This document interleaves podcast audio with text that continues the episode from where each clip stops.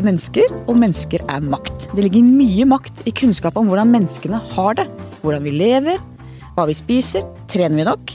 En av dem som kan mest om dette, er folkehelsedirektør Camilla Stoltenberg. Velkommen hit. Tusen takk. Du ønsker tilgang til enda mer opplysninger om oss, slik at du kan kartlegge oss, registrere og forske på det du finner. En slags storesøster som ser oss. Det skal vi komme tilbake til. Men først. Klasseforskjellene øker i Norge, også når det gjelder helse. Helsegapet, er det større i Norge enn andre steder, eller i hvert fall økende også her? Du kan si det er um, avhengig av hva du ser på, men det som man har vært mest opptatt av, det er jo uh, forventet levealder for ulike grupper.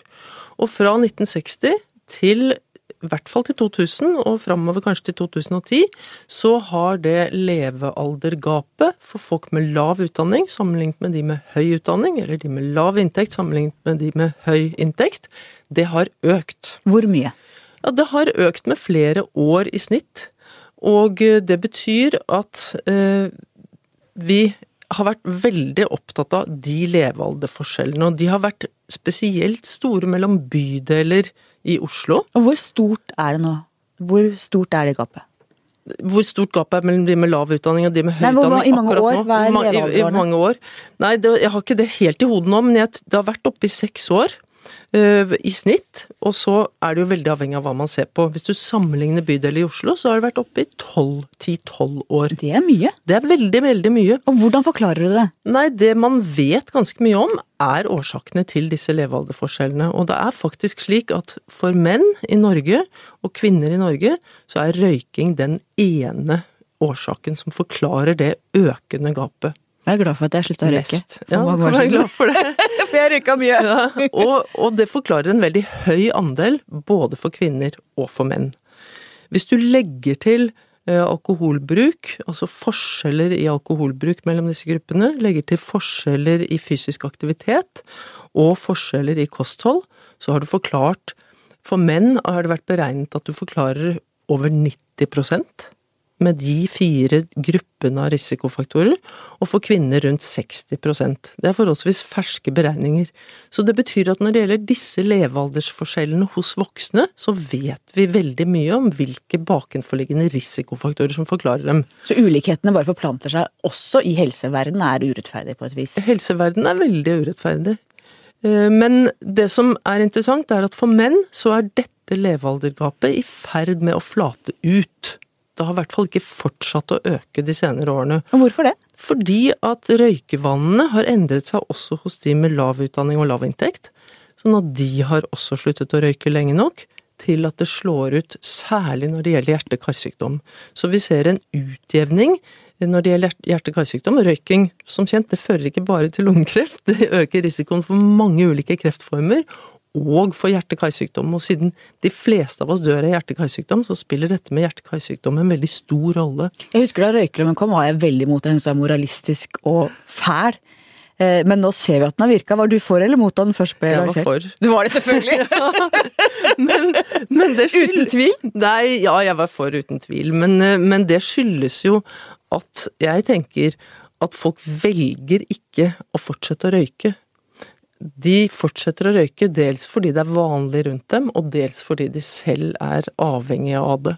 Og man ser at de som virkelig har problemer med å slutte å røyke, de har en genetisk tilbøyelighet til å bli avhengig av røyk, og de genene har man til og med kartlagt. Er, gjelder det også hvis man har genetiske forutsetninger for å bli avhengig av røyk? Blir, er man også det for alkohol og rusmidler, eller er det Ja, dette er litt ulike eh, genetiske mekanismer, men det finnes noen felles bakenforliggende mekanismer som man også har kartlagt deler av. Her er det jo veldig mye ny kunnskap hele tiden, men, men noen felles bakenforliggende genetiske mekanismer som kan forklare avhengighet mer generelt. Men man har også da funnet spesifikke gener knyttet til det å være avhengig av røyk. Og hvis du har dem i dobbel dose, både fra mor og far, så er røyk det første du tenker på om morgenen, og det siste du tenker på om kvelden før du legger deg, og du sørger for å holde nivået av nikotin og andre stoffer i blodet ganske jevnt høyt, og du har store problemer med å slutte å røyke sammenlignet med andre som kan si at ja, nei, jeg bare bestemte meg, og så sluttet jeg over natten. De har gjerne ikke de genene. Jeg slutta over natten for over 20 år siden, men fortsatt, hvis jeg går bak noen som røyker, og jeg får det, det uforvarende ned i halsen, så kjenner jeg alle knappene er der. Jeg vet én sigarett, så er jeg ferdig igjen. Ja, sånn har veldig mange det. Har du røyka noen gang? Nei, jeg har aldri gjort det. Altså, jeg, jeg har røykt, altså jeg har vært festrøyker litt og sånn, men jeg har aldri vært eh, dagligrøyker. Hvis Man hadde jo husket at jeg har kjøpt en pakke røyk, egentlig, men jeg har bomma litt. For, men det begynner å bli veldig mange år siden jeg tok den siste sigaretten. Vi spiser for mye, rører oss for lite, drikker for mye. Er det vanskelig å ha din jobb uten å bli oppfattet som moralist? Ja, åpenbart, men jeg må si at jeg oppfatter meg i veldig liten grad som moralist, fordi at jeg er opptatt av at altfor mye av folkehelsearbeidet, folkehelsebegrepet, og dette gjelder både i media og i helsetjenesten og utenfor helsetjenesten i samfunnet, er rettet mot enkeltpersoner. Det er klart at en, hva enkeltpersoner gjør og velger å gjøre er avgjørende, men det som er viktig i min jobb, det er jo å se etter hvordan vi kan legge til rette for at det skal bli lett å velge det rette. Kanskje slik at man en gang tenker på det, sånn at det ikke blir så krevende for den enkelte. Når det er så krevende for den enkelte å få til alle disse tingene, da blir det egentlig umulig for en ganske stor gruppe mennesker. Og det er ikke fordi de velger det. Barn velger ikke å bli overvektige eller fete. De blir det fordi at det er lagt til rette for at de skal bli det. Og da snakker vi om alt fra hvor man plasserer godteri i butikker, til lav moms på grønnsaker, til lav kollektivtakster. Vi snakker om alt fra veldig milde virkemidler, sånn som hvor du plasserer grønnsakene i butikken, eh, som i dag kalles nudging eller dulting, til sterkere virkemidler, som for eksempel røykeloven. Og jeg mener at man må til enhver tid kunne vurdere alle disse ulike typene virkemidler. Og hvis man ikke er villig til å ta i bruk regulering også, så gjør man seg selv helt hjelpeløs. Vi ville aldri ha eh, jobbet med trafikksikkerhet og trafikkdød på den måten at vi ikke tok i bruk sterke virkemidler også, i tillegg til oppfordringer om å kjøre pent. Hva tenker du om balansen forebygging og behandling når det gjelder helse? Jeg tenker at vi driver altfor lite aktivt med forebygging, og en viktig grunn til det er at vi har eh, lite solid kunnskap om hvilken forebygging som virker. Vi har mye kunnskap om det også, men vi bør ha mye mer spesifikk kunnskap. Og vi setter i verk veldig mange forebyggende tiltak uten at vi har sjekket verken hvordan var det før vi begynte, eller hvordan gikk det etter hvert. Men er ikke noe av problemet at det er vanskelig å måle forebygging? Det er lett å måle antall behandlede pasienter, eh, antall opererte osv., men forebygging er vanskeligere. Altså Passer det inn med alle de måleregimene vi har, hva vi måler og hva vi ikke måler? Det er ikke så vanskelig å måle, men man må bestemme seg for det før man setter i verk tiltaket. Og en av de tingene man da trenger å vite noe om, det er hva er forekomsten av det som vi vil forebygge? Og i Norge så er vi der at vi vet jo ikke engang hva som er forekomsten når det gjelder demens, depresjon eller diabetes. Vi har fått bedre datagrunnlag de aller siste årene. Mye av dette er ikke helt på plass ennå, men så sent som eh, da man skulle drive innsamlingsaksjon en høst, jeg tror det var i 2011 eller 2012, dette burde jeg huske, men eh, mot demens, eller mot demens. Da hang det plakater overalt, og det sto på TV og andre steder at det er 71 000 mennesker i Norge som lider av demens. Og den gangen eh, var det noen forskere hos oss som gikk dette etter, og fant ut at det tallet, det var en ekstrapolering av et forekomsttall som var basert på en liten befolkningsundersøkelse som ble utført i 1990 utenfor Rotterdam. I dag har vi noe bedre tall eh, i Norge på demens, og det har blitt mye større oppmerksomhet, så det registreres bedre. Men for eksempel depresjon, angst, mange vanlige utbredte psykiske lidelser har vi fortsatt altfor dårlige tall på. Dette jobber vi med hele tiden, men det går veldig langsomt. Offentlig eh, sektor, er det mye tungt byråkrati og lite innovasjon? Eh, både ja og nei. Altså jeg, nå skal jeg snakke for min egen organisasjon. Fordi at jeg mener at det er et altfor eh, Hva skal jeg si eller, ja, Mange jeg møter har et altfor enkelt begrep om eller forestilling om hva offentlig sektor er. Jeg tenker at offentlig sektor er akkurat mange, like mange ulike ting som det privat sektor er. Det er eh, noen som jobber i en kommune eh, som fastleger eller psykologer eller hjemmehjelpere. Eh, og offentlig sektor er store statlige organisasjoner, sånn som den jeg selv leder, Folkehelseinstituttet. Men Folkehelseinstituttet er jo veldig annerledes enn et direktorat. Vi har eksempel ikke myndighet. Det vi gjør, minner kanskje mest om det SSB gjør. Vi produserer kunnskap. Vi oppsummerer eksisterende kunnskap som andre har produsert. Og så kommuniserer vi kunnskap ut. Det er det viktigste vi gjør. Og så er vi en beredskapsorganisasjon, og vi driver beredskap først og fremst ved at vi eh, kommer med kunnskap.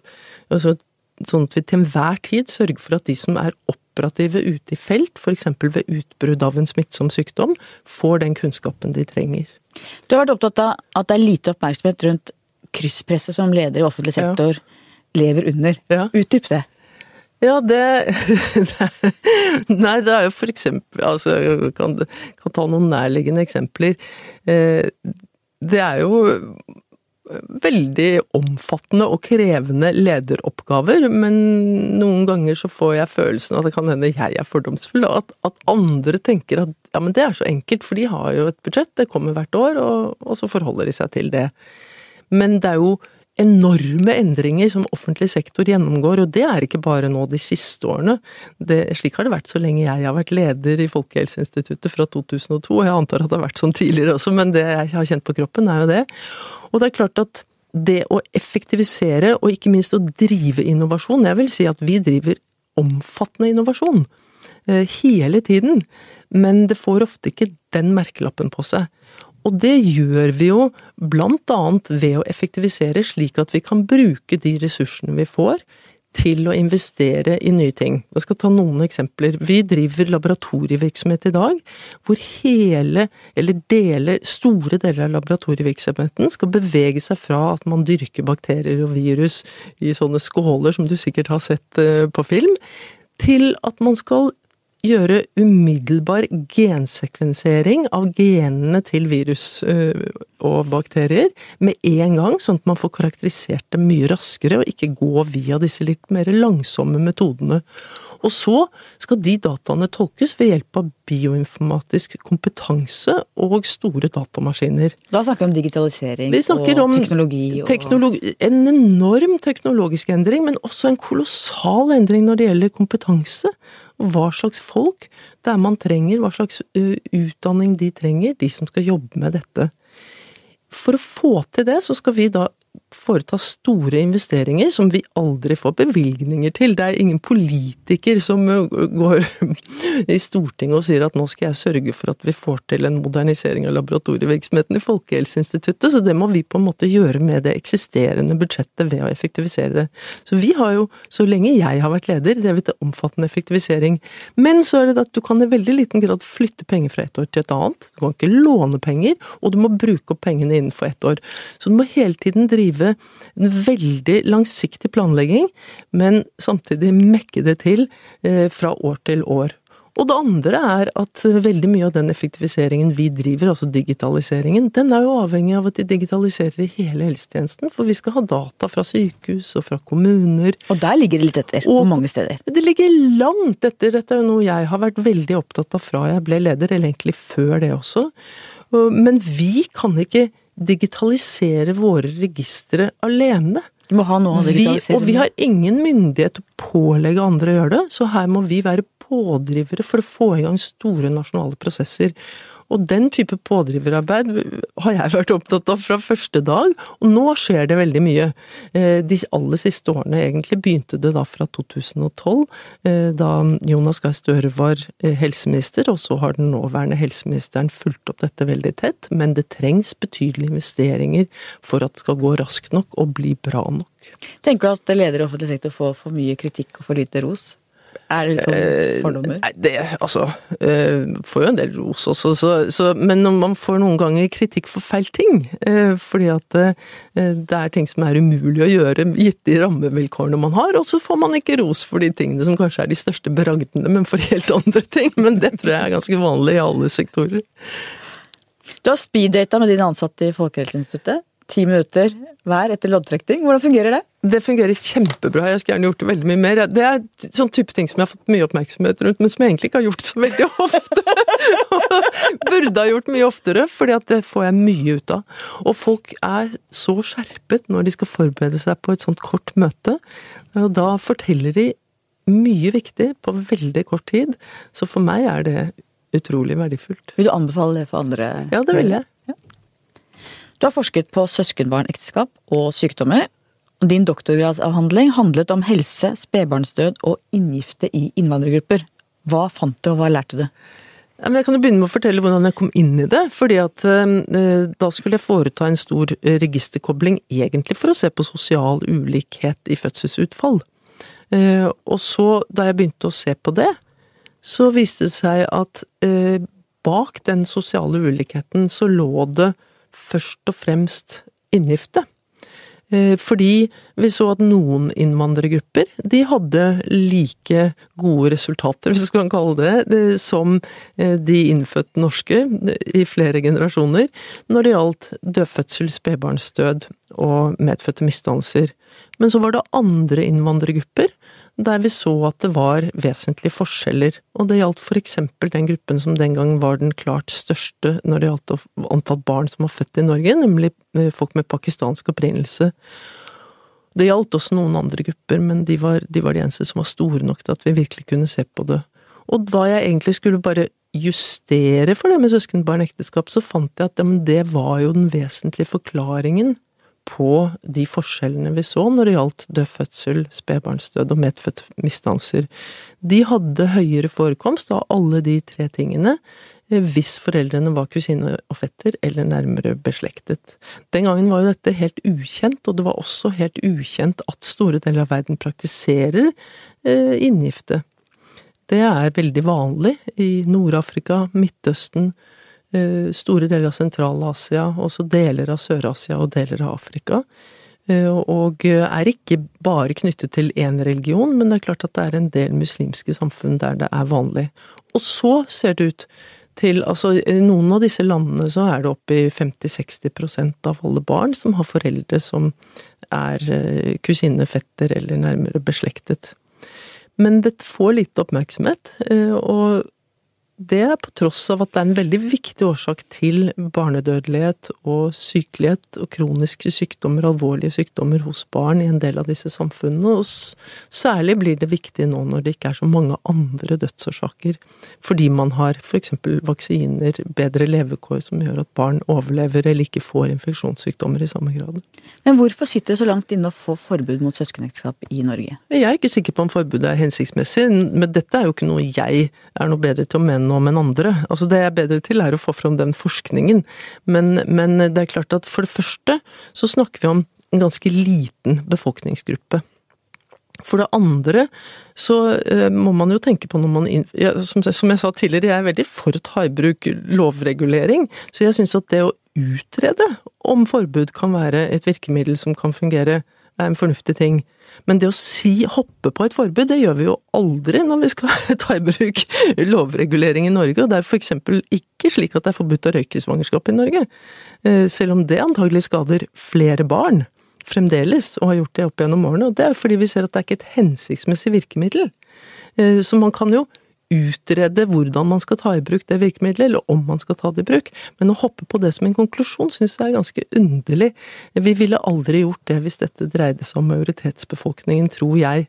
Men det handler jo også om unge menneskers frihet til å velge, hvor vi vet at de kan tvangsgifte, arrangert ekteskap, de glidende overgangene der. Absolutt, og dette er jo, det er jo jeg ikke noe ekspert på. Men det betyr jo at det å utrede et forbud, det er mye mer komplisert enn som så. En veldig viktig ting, det vet helt sikkert du mer om enn meg som jurist, det er jo er det mulig å håndheve et sånt forbud? Hvordan skal man gjøre det? Eh, det må man også se på. Så, så jeg er ikke verken mot eller for forbud, jeg bare mener at det å hoppe på den konklusjonen er litt um, dumt. Man bør heller si at man skal utrede det. Mer mm. kunnskap. Mm. Um. Som student så skrev du sammen med medstudenter en oppgave om forholdet mellom norsk helsetjeneste og innvandrerkvinner. Hva fant dere den gangen? Vi fant at det var veldig ulike oppfatninger av dette med smerteterskel. Eh, og det var interessant, fordi dette er jo så mange år siden at det var ikke så mange som hadde erfaring med innvandrerkvinner. Det var i forbindelse med, med svangerskap og fødsel, og, og bakgrunnen for at jeg var interessert i det, var at jeg hadde jobbet på Vår Frue Hospital, der det var ganske mange innvandrerkvinner med pakistansk og marokkansk opprinnelse, og tyrkisk særlig, som, som fødte. Og de kunne veldig lite norsk. Og det var en oppfatning blant de som jobbet på avdelingen der, at de hadde lavere smerteterskel. Altså at de skrek og gråt og jamret seg og ga uttrykk for smerte eh, med mindre smerte til grunn enn det de etnisk norske gjorde. Og så ville vi undersøke da om dette stemte eller ikke, eller i hvert fall om det var hva oppfatningene var. Og det var jo ikke noen studie som var representativ, men de innvandrerkvinnene vi intervjuet om dette, de skjønte ikke helt hva vi spurte om. Eh, så, så de oppfattet ikke selv at de hadde noe lavere smerteterskel. Og det, jeg ville nok ikke brukt det begrepet i dag heller, det er kanskje en ulik måte å håndtere smerte på. Mer uttalt og mer ja, ja. Sette lyd på følelsene? Ja. Og kanskje er det uttrykk for Alt dette er jo spekulativt. Da. Kanskje er det uttrykt også for at fødsler har jo vært, og er så farlig i så mange land. Så det er forferdelig skummelt på en måte som vi ikke har opplevd på lenge. Så er det jo veldig vondt, da. Ja, det òg. og kanskje hjelper det til og med uttrykk for det. Kanskje vi er forbundet. Kanskje vi er forbundet, ja. Jeg skrek litt, jeg må innrømme det. Hva tenker du er den største utfordringen når det gjelder integrering, og hva er det beste vi kan gjøre for å få det til å fungere i dag? Dette er jo virkelig ikke jeg noen ekspert på, det er det jo andre som kan mye mer om enn meg. Men det er du er en samfunnsborger? Ja, det er jeg. Men som samfunnsborger så vil jeg jo si at det å vektlegge språk, språkutvikling, barnehage og skole er helt avgjørende. Dette er jeg helt enig i. Du har jo også bodd i fremmede land, født i USA, tilbrakt store deler av barndommen din i det som den gangen het Jugoslavia. Fortell om oppveksten din. Jeg er eh, glad for at jeg bodde i utlandet da jeg var barn. De første årene i USA husker jeg bare litt av, men de betød likevel mye fordi foreldrene våre fortalte om dem. Så de, det var en hel kultur som vi fikk med oss, selv om vi husket veldig lite. Men de årene i Jugoslavia, de husker jeg mye av. Eh, og eh, alle opplevelsene av mennesker der. For eksempel det at nede i gata bodde sigøynere. Eh, at det bodde fattige folk i hagen og i en forfallen gammel villa. Eh, og der bodde også hun som da var vår hushjelp, Smilia. Eh, hun bodde først i et sånn forrom til et drivhus. Og så bodde hun i en sånn flyttekasse. Antagelig var den vel en spon eller trekasse som hun og mannen satte på hodet. Han jobbet med flytting, så han hadde vel fått kjøpt den eller fått tak i den, og så bygde de et slags hus inni der. Og hun bodde også en periode i en, et kjellerrom som hun delte med en annen før hun, hun, flyttet sammen med det som da var mannen hennes. Så det å oppleve å bli glad i folk som var fattige, det var en viktig del av, av det å oppleve Jugoslavia den gangen. Og hun ble jo en del av familien deres? Hun ble en del av familien vår.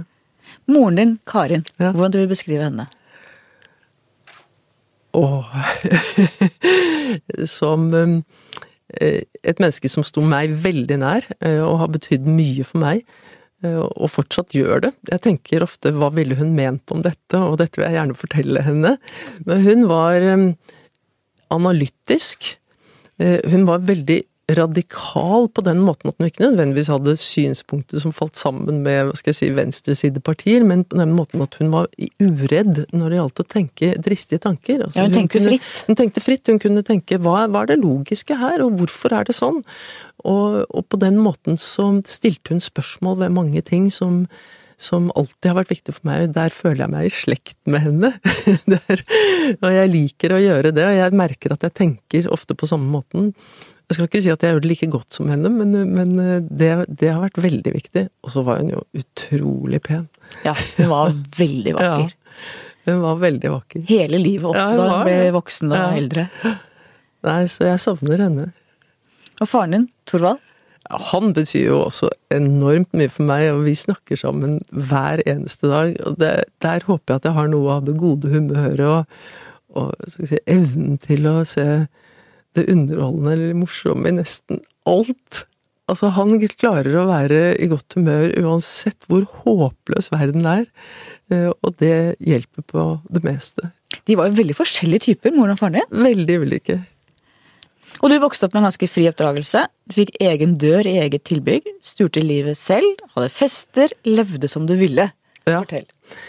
Altså, jeg tenkte jo ikke så mye på det den gangen, for da tok jeg det jo i stor grad som en selvfølge. Men nå ser jeg jo at det ikke er slik våre barn ble oppdratt. Og at det var nokså uvanlig også den gangen. Men jeg levde i et miljø der det ikke var fullt så uvanlig, og en tid der det var mer, eh, mer av et ideal, i hvert fall for noen. Eh, så vil jeg jo si at jeg tålte det godt, eh, og var jo egentlig ganske forsiktig og, og ordentlig og pliktoppfyllende. Eh, med unntak av noen perioder og i noen situasjoner, så var jeg det som hovedregel. Så det gikk fint. Men det var noen få år der jeg kanskje var litt nervøs for hvordan det skulle gå, og tenkte at jeg, jeg, jeg, det er grenser for hvilket kaos eller usikkerhet man kan tåle. Du søkte deg til ungdomsskolen jobb som filetarbeider i Vardø, ja. og fikk det ikke. Begynte på Katta uten å ha søkt, men så sluttet du etter kort tid der, og dro på reisende gymnas med en gammel Ford Transit, det dere kalte det rullende gymnaset. Fortell om det. Ja, det er jo noe jeg har blitt opptatt av, ikke minst det siste året. Jeg har alltid vært litt opptatt av det, fordi det var såpass eventyrlig. Nå trodde jeg at jeg skulle gjøre veldig mange slike eventyrlige ting. Det har vist seg at det meste andre har vært mye mindre eventyrlig. Og dermed så framstår det året i et helt spesielt lys, og blir stadig viktigere for meg. Nei, det, det var jo det var jo det at vi ville lage vår egen skole. Vi ville klare oss uten lærere og vi ville lære på en naturlig måte, det vil si at vi ville lære tysk i Tyskland og fransk i Frankrike og engelsk i England og historie i alle land, men gjerne sånn at vi tilpasset den delen av historien vi leste til det landet vi var i, og så videre.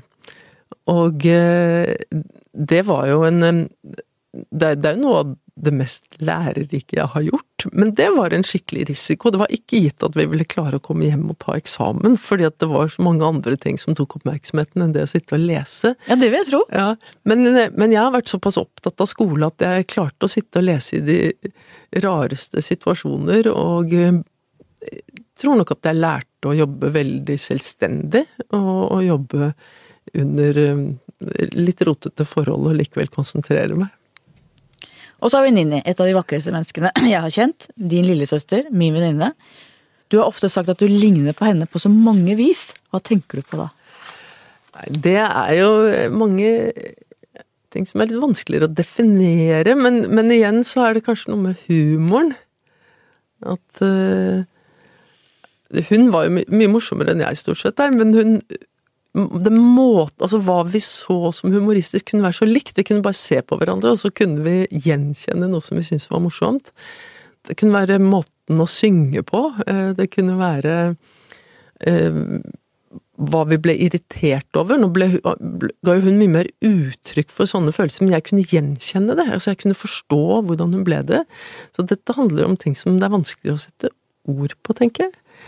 Eh, så har jeg jo vært Vi var jo også veldig ulike, selvsagt. Og det er nok Altså, jeg har vært opptatt av å fortelle om likheten fordi at det var så mye av den, selv om det for omverdenen fremstår som vi først og fremst var ulike. Hun var jo, Jeg bodde jo sammen med henne i slutten av 80-tallet, begynnelsen av 90-tallet. Hun er jo et av de smarteste menneskene jeg har kjent, og et av de rauseste. Ja, hun er mye kvikkere enn meg. altså Hun var jo nådeløs i diskusjoner. og hadde veldig drag på gutta. Ja. Jeg fender av telefoner, husker jeg. ja. Nei, jeg savner henne også. Her, og jeg savner det å være søstre sånn som vi kunne være det i gamle dager. Jeg så dere av og til på nært, og det var jo veldig tett. Ja. Så døde hun etter belastningen etter mange års eh, rusmisbruk, og mange kan kjenne seg igjen i det dere har vært igjennom. Redselen når en av dine nærmeste er så ute, og når dere ikke får kontakt. Hva tenker du om sårbarhet, om ansvar, om avmakten som rett og slett kan overvelde deg i en sånn situasjon? Det tenker jeg jo veldig mye på. Jeg leste nettopp en bok som heter Mayhem, um, av Sigrid Rausing, som er fra en styrtrik svensk familie, og hun mistet sin svigerinne. En veldig dramatisk historie, jeg skal ikke gjenta det, men, men i den boken så, så har hun Det er setninger om akkurat den avmakten, om hvordan, hvordan den som er rusavhengig, eh, møter deg når du prøver å hjelpe. Og hvor mye dumt du selv gjør fordi du prøver så desperat. Du vil bare godt, men det hjelper ikke. Og det blir oppfattet som maktovergrep, eller som eh, blir møtt som, som om du, du, kriget mot dem, og, og det, det, er helt forferdelig. Eh, så jeg har nok blitt veldig opptatt av hva selve rusmiddelet gjør eh, med rusavhengige, og eh, hvor, hvor, hvor kort vei det er, hvor lite forskjell det er på de som blir rusavhengige og vi som ikke blir det. Eller i hvert fall kan håpe å ikke bli det. Ja, og de som har levd på, tett på rusmisbruket, sier ja. at de blir jo veldig like alle sammen nå. At det er, liksom, rusen er det som teller. Ja, akkurat, de blir like på den måten, og det er klart at det trumfer så mye annet. Større enn kjærligheten, er det noe ja. si. Mm. Du har vært opptatt av biologisk og psykisk sårbarhet. Hva er arv, hva er miljø? Hva tenker du rundt det? Jeg tenker at det er arv og miljø. Eh, og når det gjelder rusmidler er det jo egentlig ganske greit, for da vet vi jo at eh, det er en veldig uttrykkelig miljøfaktor, eller det er rusmidlene. Eh, når det gjelder arv, så, så, vet man at det er stor forskjell på hvor sårbare folk er, men vi vet jo ikke det på forhånd. Tvillingstudier for eksempel viser jo tydelig at det er forskjell på søsken, for eksempel, eh, i hvor sårbare man er, og at det er en opphopning av sårbarhet i familier. Eh, og det, det er det er jo ikke noe å gamble på, og det er begrenset hvor mye vi kan få ut av den Altså, det er en viktig kunnskap for å forstå det biologiske ved dette, og hvor sterkt det er. Men samtidig så Eh, forteller jo ikke det direkte hva vi skal gjøre med det. Det er jo ikke sånn at vi kan analysere genene våre, og så kan vi si du kan godt prøve deg på heroin, mens du bør ikke gjøre det. Eh, det fungerer ikke på den måten, slik at vi må jo utforme eh, en politikk når det gjelder rusmidler, og det gjelder alkohol også, som tar hensyn til at store deler av befolkningen har en sårbarhet, og at sårbarheten er fordelt i ulik grad. Og det er jo ikke bare de som er ekstremt sårbare som blir rammet av rusavhengighet. Når det gjelder alkohol som, som mange bruker, så vil jo flertallet av de som får problemer med alkohol, ikke nødvendigvis ha en så veldig høy sårbarhet. De vil drikke seg inn i det, rett og slett? Ja, de vil drikke seg inn i det. Altså, vi har alle en grad av sårbarhet. Mm. Du har jobbet med Autismestudien, mm. et omfattende forskningsprosjekt som handler om psykiske lidelser hos barn. Hva fant dere der?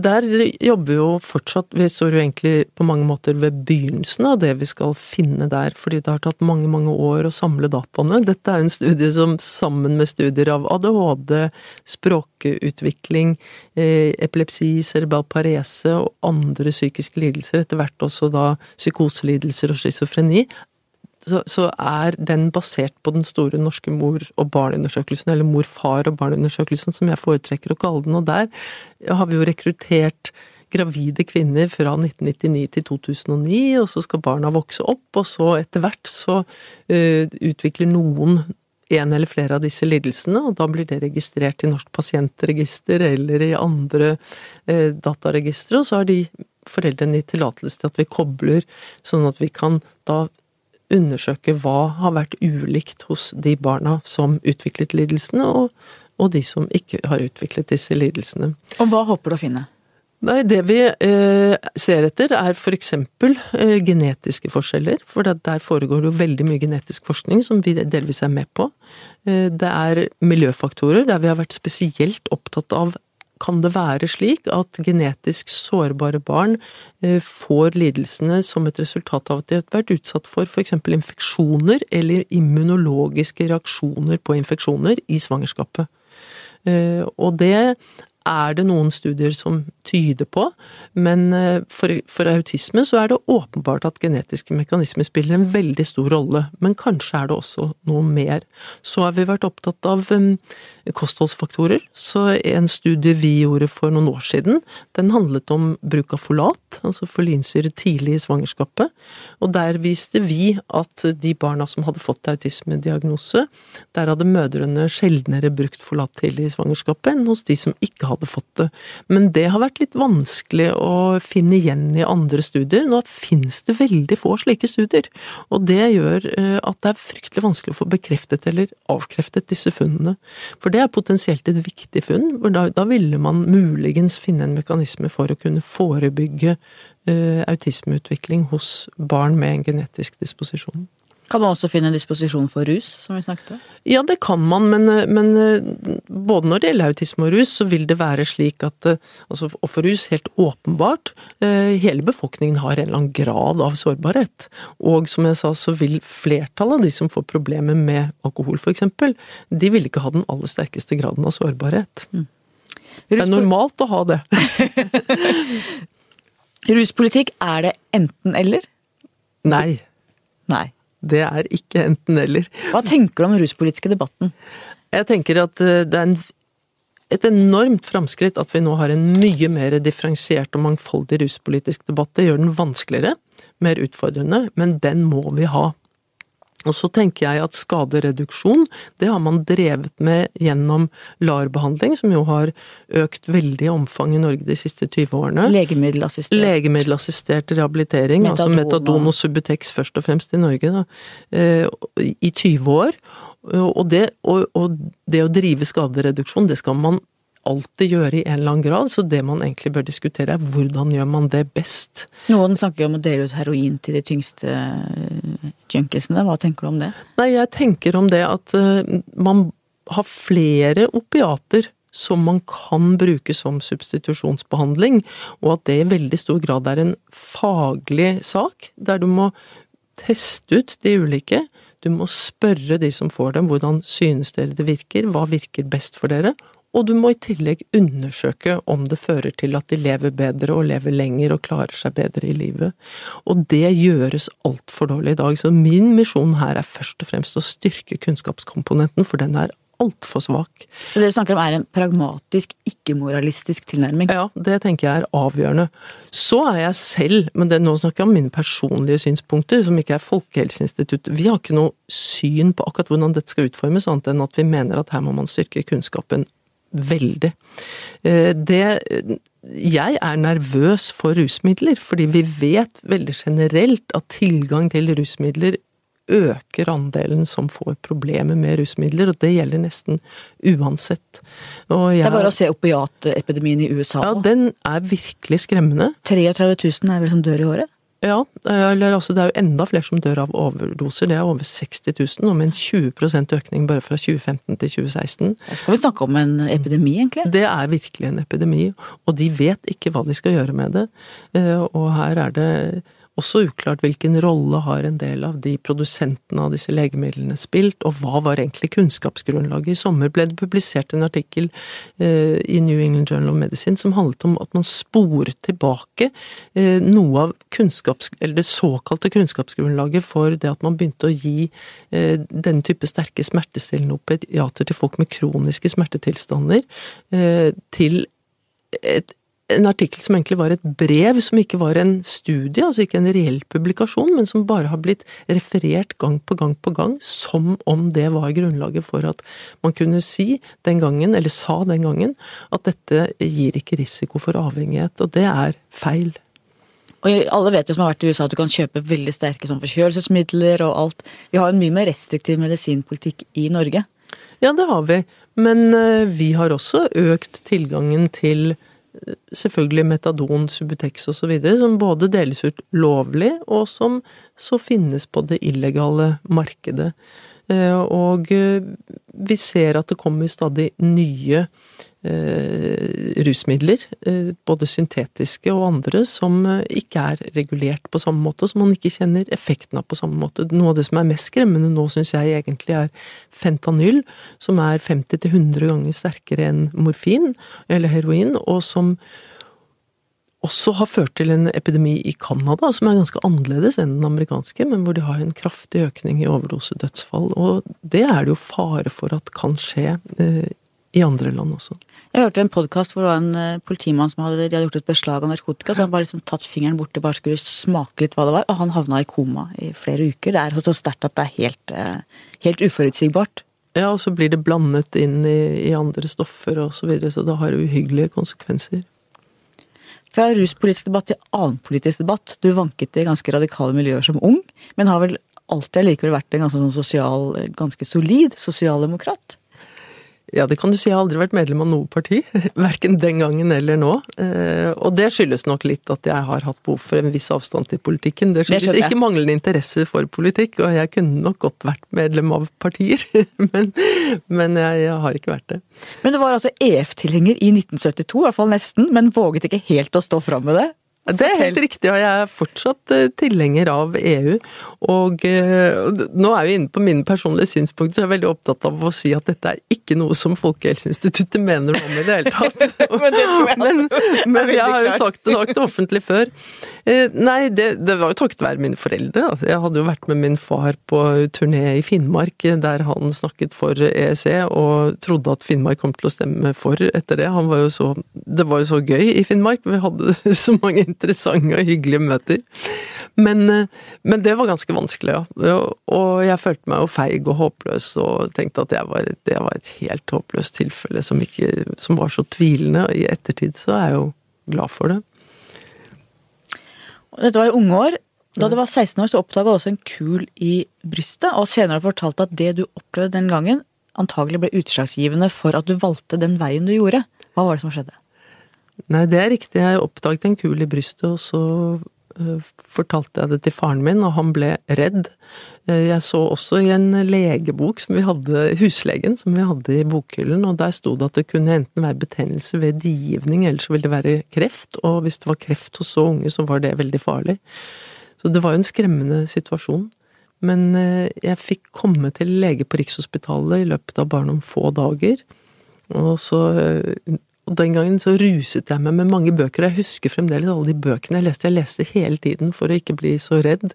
Og så ble jeg lagt inn, og da kom det De ga meg sannsynligvis noen rusmidler da også, sånn før operasjonen. For i hvert fall så syns jeg at de to mennene som De portørene som kjørte meg til operasjonssalen, var noe av det aller peneste jeg hadde sett. De minnet meg om erkeenglene. Nå er ikke jeg veldig religiøs, men erkeengler, så pene erkeengler gjorde et sterkt inntrykk likevel. Og så våknet jeg etter operasjonen, og da hadde de forberedt meg på en veldig stor operasjon, der de kunne ha fjernet lymfeknuter under armen og hele brystet, og de barberte meg jo fra eh, hele magen og under, under armen og hele overalt. Og så våknet jeg, og i det rommet der jeg våknet, der lå det en pike på min egen alder. Som hadde fjernet tarmen, husker jeg. Det hadde jeg jo aldri hørt om at kunne skje med noen. Og hun gråt og var fortvilet. Og hele den situasjonen gjorde voldsomt inntrykk på meg. Hele prosessen, og hvor viktig det var for meg, og hvor viktig det hver enkelt gjorde, var. Portørene, hun som satt ved siden av meg da jeg våknet, kirurgene. Eh, Så jeg ble enormt fascinert. Og det jeg, vet jo ikke hvor utslagsgivende det var, men det jeg i hvert fall vet, var at jeg ble spurt ganske kort tid etter det hva jeg skulle bli, og da Jeg ante jo ikke hva jeg skulle bli den gangen, men da svarte jeg lege. Jeg ble ganske overrasket selv, men jeg tenkte, tenkte ja, det var jo litt eh, fint svart. Så det er første gang jeg husker at jeg sa til meg selv at jeg skulle bli lege, og til noen andre. Og så var du frisk. Jeg var helt frisk, og det skjedde ingenting. Men det føltes likevel som å få livet i gave på nytt. Og så ble du lege. Og blant annet kjørte du sju år i ambulanse i Aurskog-Høland. Og da fikk du jo se mye av menneskenes liv. Hva var det som gjorde mest inntrykk på deg den gangen? Nei, det var menneskene. Det å komme hjem til folk, det å eh, bli kjent med så mange. Det var mange jeg var hos gang på gang, og eh, jeg, jeg var eh, veldig, veldig glad i den jobben. Eh, og, og det ble kjent med et lokalsamfunn på den måten. Men også de som jobbet på vaktsentralen, ambulansesjåførene. eh, Alle sammen. Og nå er det de store medisinske utfordringene som preger jobblivet ditt. Alt fra folkehelse til fare for de store epidemiene. Hva er den største trusselen vi står overfor? Du kan si det er todelt, men, men eh, når man ser på beredskapsplanene globalt, så er det klart at det er en ny pandemi så Der har vi jo Det mest kjente eksempelet er jo spansksyken, som, som det snart er 100-årsmarkering for. Eh, Det er en reell trussel. Så det å forberede seg på det, få til den type samarbeid globalt som er avgjørende for å få en slik eh, pandemi under kontroll, og utvikle eh, legemidler, eller spesielt jeg mener vaksiner, som kan stanse det, og kunne produsere nok av dem, det er helt avgjørende. Jeg husker jeg studerte i USA på Johns Hopkins som min professor i amerikansk utenrikspolitikk, professor Oakley. Hun var veldig opptatt av det, hun brukte mye tid på faren for det. Dette er ti år siden, mer enn ti år siden. Og allerede da var hun bekymret, vi var ikke godt nok forberedt. Er vi godt nok forberedt på det i dag? Nei, vi er ikke godt nok forberedt, men det er mange som jobber med det, og det gjøres ting som er viktige. Og en av de tingene som er gjort nå nylig, er det jo blant annet Folkehelseinstituttet som har tatt initiativ til. Da Jon Arne Røttingen var smitteverndirektør der, så var han av de sentrale personene til å utvikle det som nå heter Coalition for Epidemic Preparedness Innovations, CEPI. Det har blitt en selvstendig organisasjon, den sprang ut av Folkehelseinstituttet, og vi har fortsatt vertskap for det. CEPI er nå finansiert av den norske regjeringen, og ble lansert på World Economic Forum eh, av blant annet Erna Solberg. Eh, og eh, av den tyske regjeringen, av den indiske regjeringen og andre regjeringer etter hvert, og også Bill og Melinda Gates Foundation og Wellcome Trust. Det er veldig store, sterke ressurssterke eh, aktører som vil ha med seg enda flere for å finansiere vaksineutvikling, og etter hvert også kanskje utvikling av diagnostika. Men vaksineutvikling mot ikke bare en ny pandemi, men også andre eh, smittsomme sykdommer som kan bryte ut. Og vi har jo sett det med ebola og zika eh, de senere årene, hvor hjelpeløse vi er, og hvor lang tid det tar før vi får utviklet vaksine nå kutter man vel i bevilgningene til Verdens helseorganisasjon. De har vel måttet eh, redusere. Det er sjokkerende, syns jeg. Ja, jeg syns jo det, og det er jo et generelt problem at eh, de internasjonale organisasjonene er for svake og har for, for dårlig finansiering. Og en, eh, de blir jo kritisert for byråkrati med god grunn, og tungroddhet og, og, og problemer med beslutningsdyktighet osv. Men én grunn til det er jo at de ikke blir gitt tillit. Altså de får ikke midler, og de får ikke myndighet. Beredskap generelt, hvordan er tilstanden innenfor ditt felt? Det er veldig god beredskap i Norge mot smittsomme sykdommer, eh, og vi har jo også utviklet tilsvarende beredskap eh, som ligner i måten vi organiserer på mot miljøhendelser.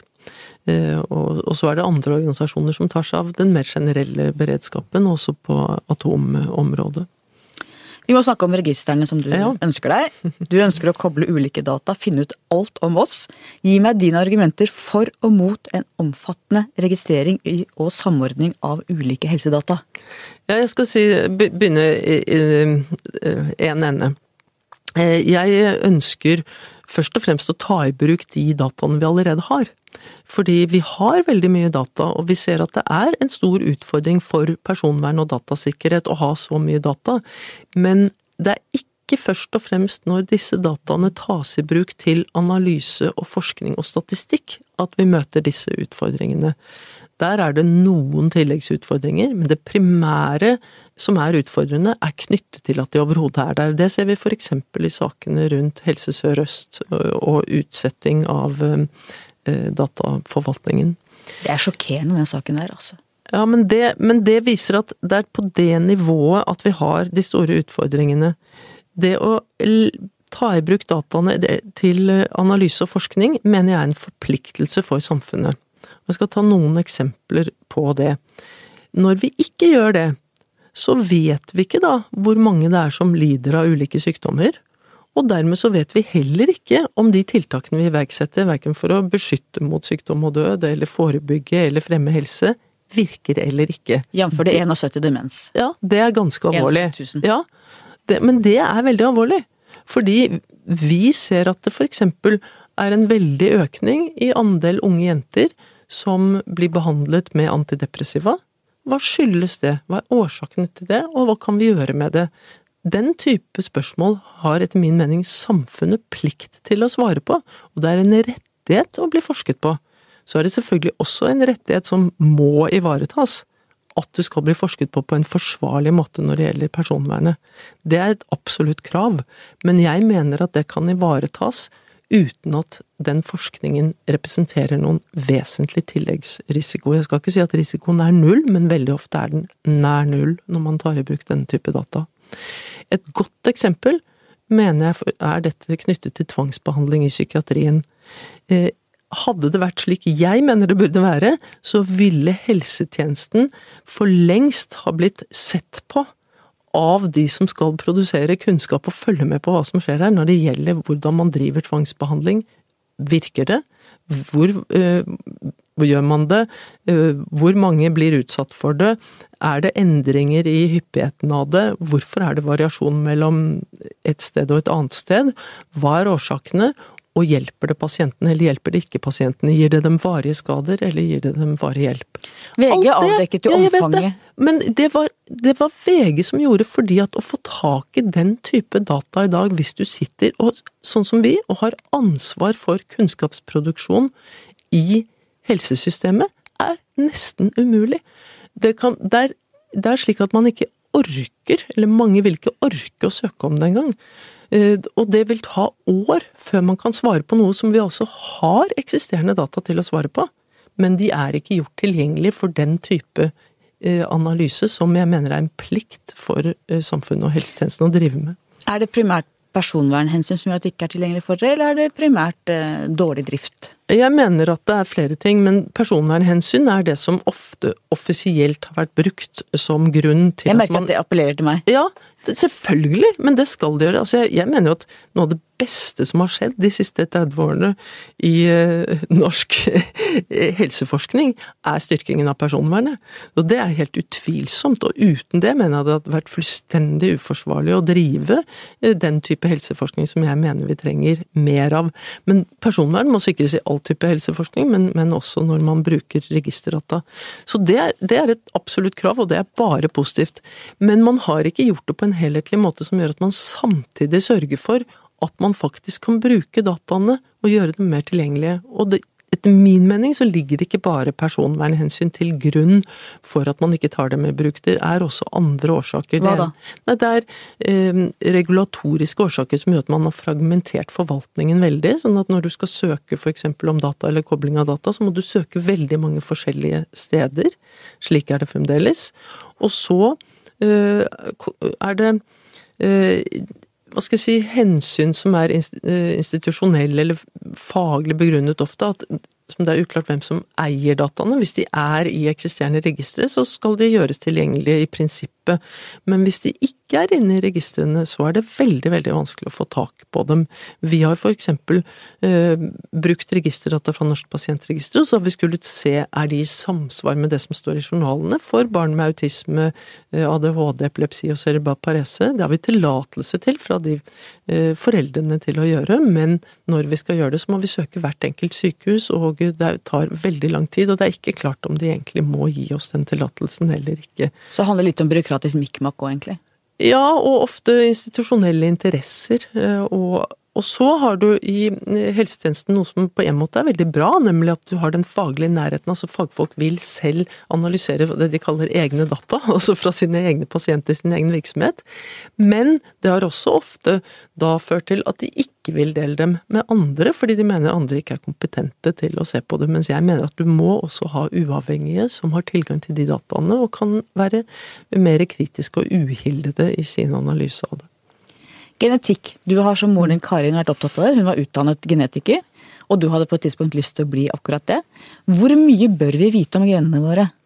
Hver enkelt trenger ikke vite noe som helst om genene, etter min mening. Det må være helt etter hva man selv har lyst til. Eh, fordi vi vet veldig mye om genene våre bare ved å Altså hvis vi kjenner vår familie, eh, så kan vi spørre hva slags sykdommer de hadde, og hva slags eh, humør de har hatt, osv. Så, videre, så får vi vite ganske mye om genene. Så hver enkelt trenger ikke vite mye om genene. Men genetikk er veldig viktig for å forstå hvordan sykdom utvikler seg, hvordan mennesker utvikler seg, og kan også brukes som et verktøy ikke minst til å identifisere hvilke miljøfaktorer som er viktige, fordi at man kan f.eks. sammenligne tvillinger, da, eh, eneggede som har like, eller nesten helt like gener, eh, og se hva var den ene utsatt for som fikk sykdommen, som den andre ikke ble utsatt for. Vi har en morsom tvillinggreie her i VG. Eh, forrige sjefredaktør Bernt Olufsen hadde bare damer i sitt redaktørkollegie. Fire damer og Bernt. Tre av de, alle unntatt meg, er tvillinger. Oh, ja. Jeg tenker at Det bør jo noen forske på. Det er, det noe spesielt som gjør at de blir spesielt drivende, eller hva? Nei, men du vet, Det er en del ting som virker ikke tilfeldige, som likevel er tilfeldige. Jeg tror kanskje det er, det er ganske viktig å huske på. Men det er litt gøy, da. Ja. DNA-tester, hva vil du selv ha visst om dine Nei, jeg har ikke vært noe opptatt av det selv. Jeg, Jeg tenker det er mye jeg ikke vil vite, jeg. Ja, altså først og fremst er det jo utrolig mye som du ikke får noe særlig ut av. Altså hvis du får vite at du har litt høyere sjanse for å få hjerte, hjerteinfarkt enn uh, gjennomsnittet av befolkningen, så er det mye mer interessant om det har vært mye hjerteinfarkt i din familie eller ikke, enn om du faktisk har den genetiske disposisjonen. Fortell om det som heter The Human Genome Project. Ja, det var jo et prosjekt som, som um, var en eh, hva skal jeg si, eller utviklet seg til å bli en konkurranse mellom en privat aktør og offentlige aktører, særlig i USA og England og noen andre land, for å få kart, egentlig grovkartlagt menneskets arvemateriale. Og det førte til et byks framover når det gjaldt genetisk forskning, eh, men samtidig så var det jo først og fremst startskuddet for en veldig omfattende kunnskapsutvikling når det gjelder genetikk, som har pågått siden det eh, prosjektet ble avsluttet i 2000-2001 på plenen foran Det hvite hus. Eh, fordi det var virkelig en grovkartlegging, og det man har funnet ut om eh, menneskets gener senere, er, er enda mye mer. Hva med CRISPR-teknologien? Forklar hva det er. Ja, jeg er ikke noen ekspert på CRISPR-teknologien, men det er, det er, jo en teknologi som uh, også er i sin begynnelse, men som potensielt vil gjøre det mulig å, å redigere genmaterialet. Altså foreta utskiftninger på en mer skånsom og presis måte enn det man har forestilt seg at man kunne gjøre tidligere. Så det blir veldig viktig å, å være å følge nøye med på hvordan den, eh, den teknologien tas i bruk og, og, utvikler seg. For der ligger det også en del etiske utfordringer? Det gjør det ved all teknologi, og, og der er jeg opptatt av at det er ikke slik at de, nei, at de etiske utfordringene er vesensforskjellige i genetikken og eh, for annen teknologi. Et veldig godt eksempel, og enkelt eksempel, er um, ultralydteknologien, som jo er en revolusjon i medisinsk teknologi. Man kan se på veldig mye på en utrolig skånsom måte som man tidligere måtte enten ikke se på i det hele tatt, eller måtte gjøre kirurgiske inngrep for å se på, eller mye mer brutale metoder som var farlige for, for folk, for pasienter. Eh, men samtidig så er det den teknologien som har vært viktig f.eks. i å drive seleksjon av jenter, fostre, i store deler av verden. Men hvor langt kan vi gå? Altså Noen snakker om å skape det nye mennesket. Noen snakker de store Silicon Valley-gutta som ønsker å gjøre seg selv udødelige. Altså, hva er fremtidsscenarioet på sitt skumleste? Det, det, det, det, ikke, det, vil ikke jeg svare på engang. For det første så er det ikke noe jeg jobber spesielt med. Eh, og for det andre så, så er det noe som eh, jeg er mye mer opptatt av å, å tenke på ikke hva som er fremtidsscenarioet på sitt skumleste, men å tenke på alle disse teknologiene som verktøy som vi skal ha åpne diskusjoner om å kontrollere i demokratiske samfunn, og der det ikke bør være for eksempel kommersielle enkeltaktører eller enkeltstater som får for mye makt. Og det er den måten vi unngår de skrekkscenarioene på, ikke ved å gå løs på de enkelte teknologiene. Mm. Hva ser du som det mest håpfulle innen medisinske forskningen akkurat nå? Jeg ser det jo som håpefullt for eksempel, eh, for å ta noe veldig konkret, da, eh, så ser jeg det som håpefullt at vi eh, får til vaksineutvikling som gjør at vi kanskje får bukt med deler av problemet med antibiotikaresistens. Ja, for det er farlig, antibiotikaresistens? Det er veldig farlig, og, og et verktøy for å gjøre noe med det er vaksineutvikling. Fordi da vil vi ikke trenge antibiotika. Så hvis du vaksinerer f.eks. mot lungebetennelse hos barn, så vil de ikke trenge antibiotika, og da eh, blir behovet for å bruke antibiotika mindre. Så det, det, det er en lovende utvikling. Eh, og så ser jeg på det som lovende at vi får bedre måter å utvikle kunnskap på, sånn at vi både kan eh, få bedre forebygging og helsefremming, og jobbe mye mer aktivt med den delen av eh, helseforskningen og eh, helseutviklingen enn det vi har gjort hittil. Samfunnet har forandra seg veldig fort, også innenfor ditt felt. Noe helt annet, men allikevel storsamfunnet. Hvordan ser du religionens plass i det norske samfunnet? Du spør meg om så mye som jeg ikke har noe spesiell greie på. jo, men du er jo et veldig tenkende ja, menneske. Ja, det er jo hyggelig at du sier, men, men det, det, det, er, det er eh, egentlig noe jeg tenker at jeg ikke vil uttale meg om her. Jeg er jo veldig nysgjerrig på det, og, og jeg er opptatt av å eh, lære om religionens plass, og ikke, hva skal jeg si, å, å- se hele bredden av det. Eh, Så, så jeg men likevel så, så må jeg nok si at jeg har vært opptatt av um, å se på hva er eh, de andre sidene Altså det å tenke at det er rent ideologiske prosesser som styrer utviklingen, det tror jeg ikke det er. Så jeg er opptatt av å se på religionen i sammenheng med andre interesser og andre forhold som, som styrer utviklingen. For eksempel materielle forhold, interessemotsetninger rundt økonomisk, økonomiske utvik økonomisk utvikling og, og politisk utvikling mer generelt. Tror du på Gud selv? Nei, jeg gjør ikke det. Til slutt, mitt faste spørsmål. Hva skal bli historien om deg? Camilla Stoltenberg, det var hun som Bidro til å sette kunnskap på kartet for godt i helseforskningen, og gjerne i samfunnet ellers også. Bra. Tusen takk for at du kom. Takk til deg som hørte på. Takk til researcher Grete Ruud, og til vår faste produsent Magne Antonsen. Vi høres igjen neste uke. Tusen takk.